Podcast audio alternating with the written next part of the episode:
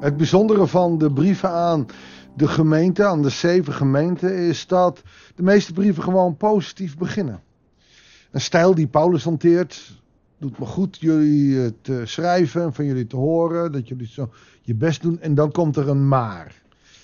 Ik zal heel eerlijk zeggen, in mijn persoonlijke leven vind ik het nog wel eens lastig als iemand enthousiast is. Maar, en op een gegeven moment komt er wel heel vaak een maar. Alsof je je voorbereidt en dan toch maar even iets negatiefs moet zeggen.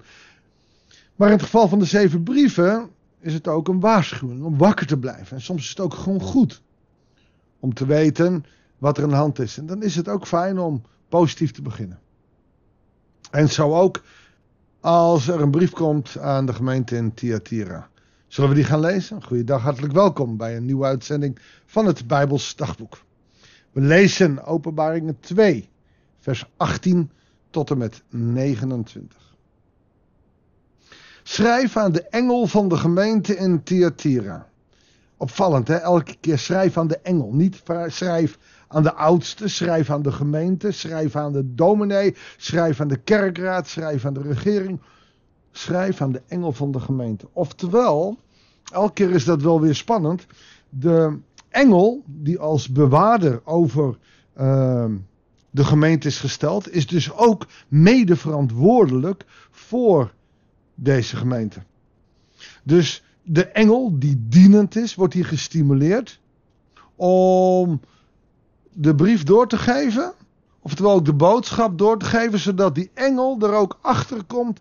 Hé hey joh, je doet je best niet. Maar ook andersom.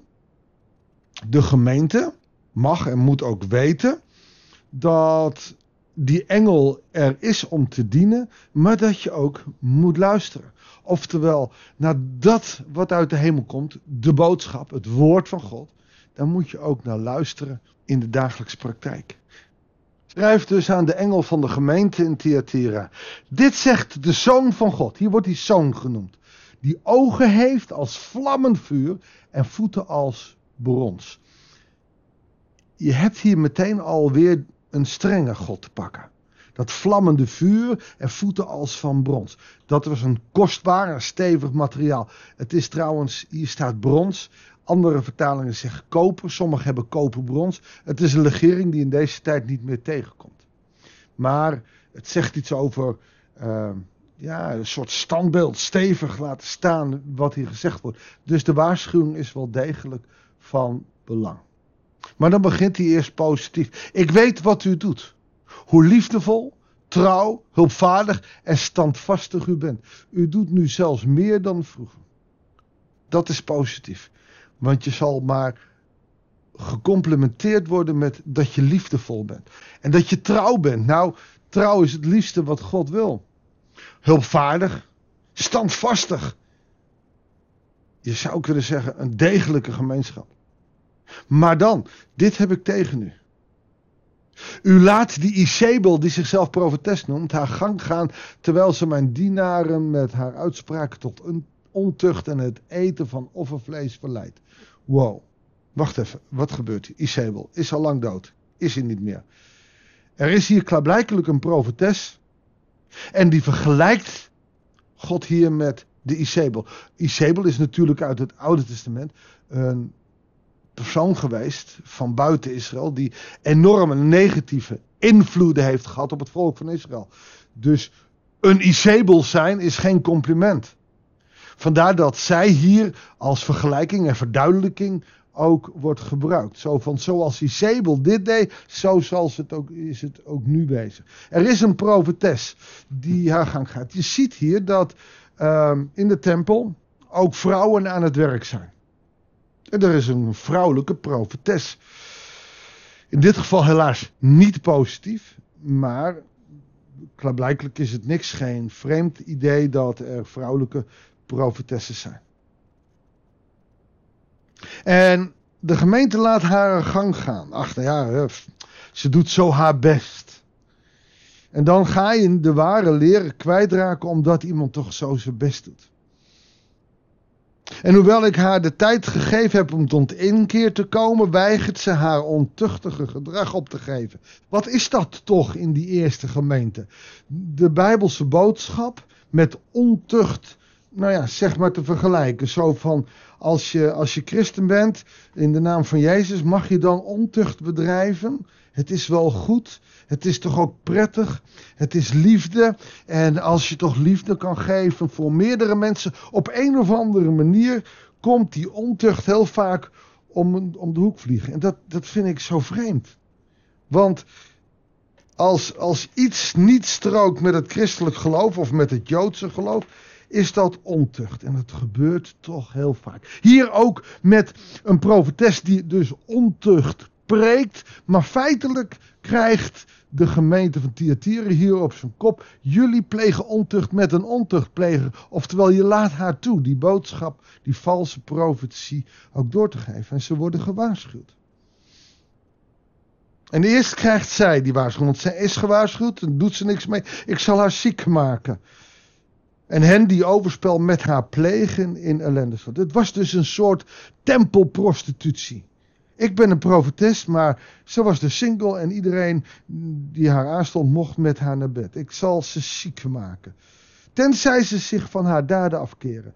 Haar kinderen zal ik laten sterven aan een dodelijke ziekte. En hiermee zie je dus dat God nogal streng is, maar ook gewoon heel, heel sterk ermee bezig is. Ik wil niet dat mijn leer met hoererij wordt vervangen of met hoererij wordt ingevuld. Paulus zegt ergens, maakt me niet uit hoe het komt, maar dat de boodschap gegeven wordt. Ja, niet dus, niet door hoererij. Het zou toch wat zijn dat ik als voorganger gewoon met Jan en alle mannen het bed in dook om zo het evangelie door te geven. Het slaat nergens op, maar het was een praktijk van die dag. In Klein-Azië gebeurde het gewoon.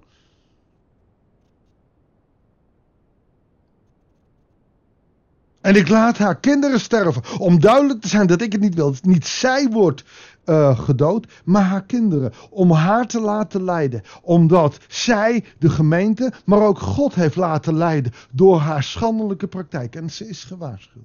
En een gewaarschuwd mens stelt voor twee. Zeker, en dat is wat Paulus ook noemt. Als je een. Uh, functie hebt in de gemeente, oudste bent of voorganger bent, dan heb je die voorbeeldfunctie. Nou, als je doet, is de straf ook zwaarder. God neemt het serieus. Tegen de rest van u in Thyatira, al degenen die haar leer niet aanhangen en die zich niet hebben verdiept in de zogenaamde verborgenheden van Satan, zeg ik, ik leg u maar één last op. Hou vast aan wat u hebt, totdat ik kom. Mooi hè? Als er in de Bijbel wordt gesproken over last, de last van het geloof, is dat niet de Bijbel uit je hoofd leren. Is dat niet Bijbelteksten leren. Is dat niet een zwaar en vroom gebukt leven. Nee, hou vast aan wat je hebt totdat ik kom. En wat is je vasthouden? Dat is in die eerdere brief vasthouden aan je eerste liefde, aan Jezus Christus. Er zijn wel eens mensen die zeggen, ik vind het allemaal zo ingewikkeld, zoveel. Hou vast aan Jezus. Meer hoef je niet te doen. Alleen het gekke is als je je echt verdiept in wie die Jezus is en als je vasthoudt aan Jezus, dan ga je veranderen. En dat is het mooie van wat hij zegt. Hou je maar vast aan wat je hebt. Wie overwint het tot het einde blijft doen wat ik wil, zal ik macht geven over alle volken. Je zult regeren. Met ijzeren herdenstaf zal hij hen hoeden. Als aardewerk worden ze verbrijzeld, wanneer ze dus niet doen wat goed is in de ogen des Heren. Ik geef hem macht, zoals mijn vader die aan mij heeft gegeven. En ik zal hem ook de morgenster geven. Wie oren heeft, moet horen wat de geest tegen de gemeente zegt. En wat is dan die morgenster weer? Dat is hoe in een later hoofdstuk Jezus zichzelf noemt. Ik ben de morgenster. Metaforen voor Jezus. Eh, zijn naam wordt niet zoveel genoemd, weet je nog wel? Geheim, brief, code vanaf een gevangeniseiland. Die morgenster, het past in het Romeinse beeld over de zon, de maan. En, maar hier wordt Jezus de morgenster genoemd. En je zult gevuld worden met de morgenster. Hij zal in je komen als je vasthoudt aan zijn woord. Zullen we daar samen op bidden. Heere God, liefdevolle hemelse Vader, u die de morgenster gaf aan ons om het licht in de wereld te kunnen zijn. U die ons uw zoon gegeven heeft. Leer ons dat ontucht en het eten van verkeerde dingen, oftewel wereldgelijkvormigheid, niet de manier is om u te dienen. Wanneer we denken, ach het moet kunnen, want in deze maatschappij kan dat, Heere God, dan worden we wereldgelijkvormig en dat is fout. Leer ons zo ons strikt te houden aan wat u van ons wil, om ons daarop te richten. Heere God, wilt u ons zegenen, met, vullen met uw heilige geest zodat we niet hoereren, maar juist met uw leven in relatie tot u staan. Heer, dat bidden we u. In Jezus' naam. Amen. Dankjewel voor het luisteren. Ik wens je God zegen en heel graag tot de volgende uitzending van het Bijbelsdagboek.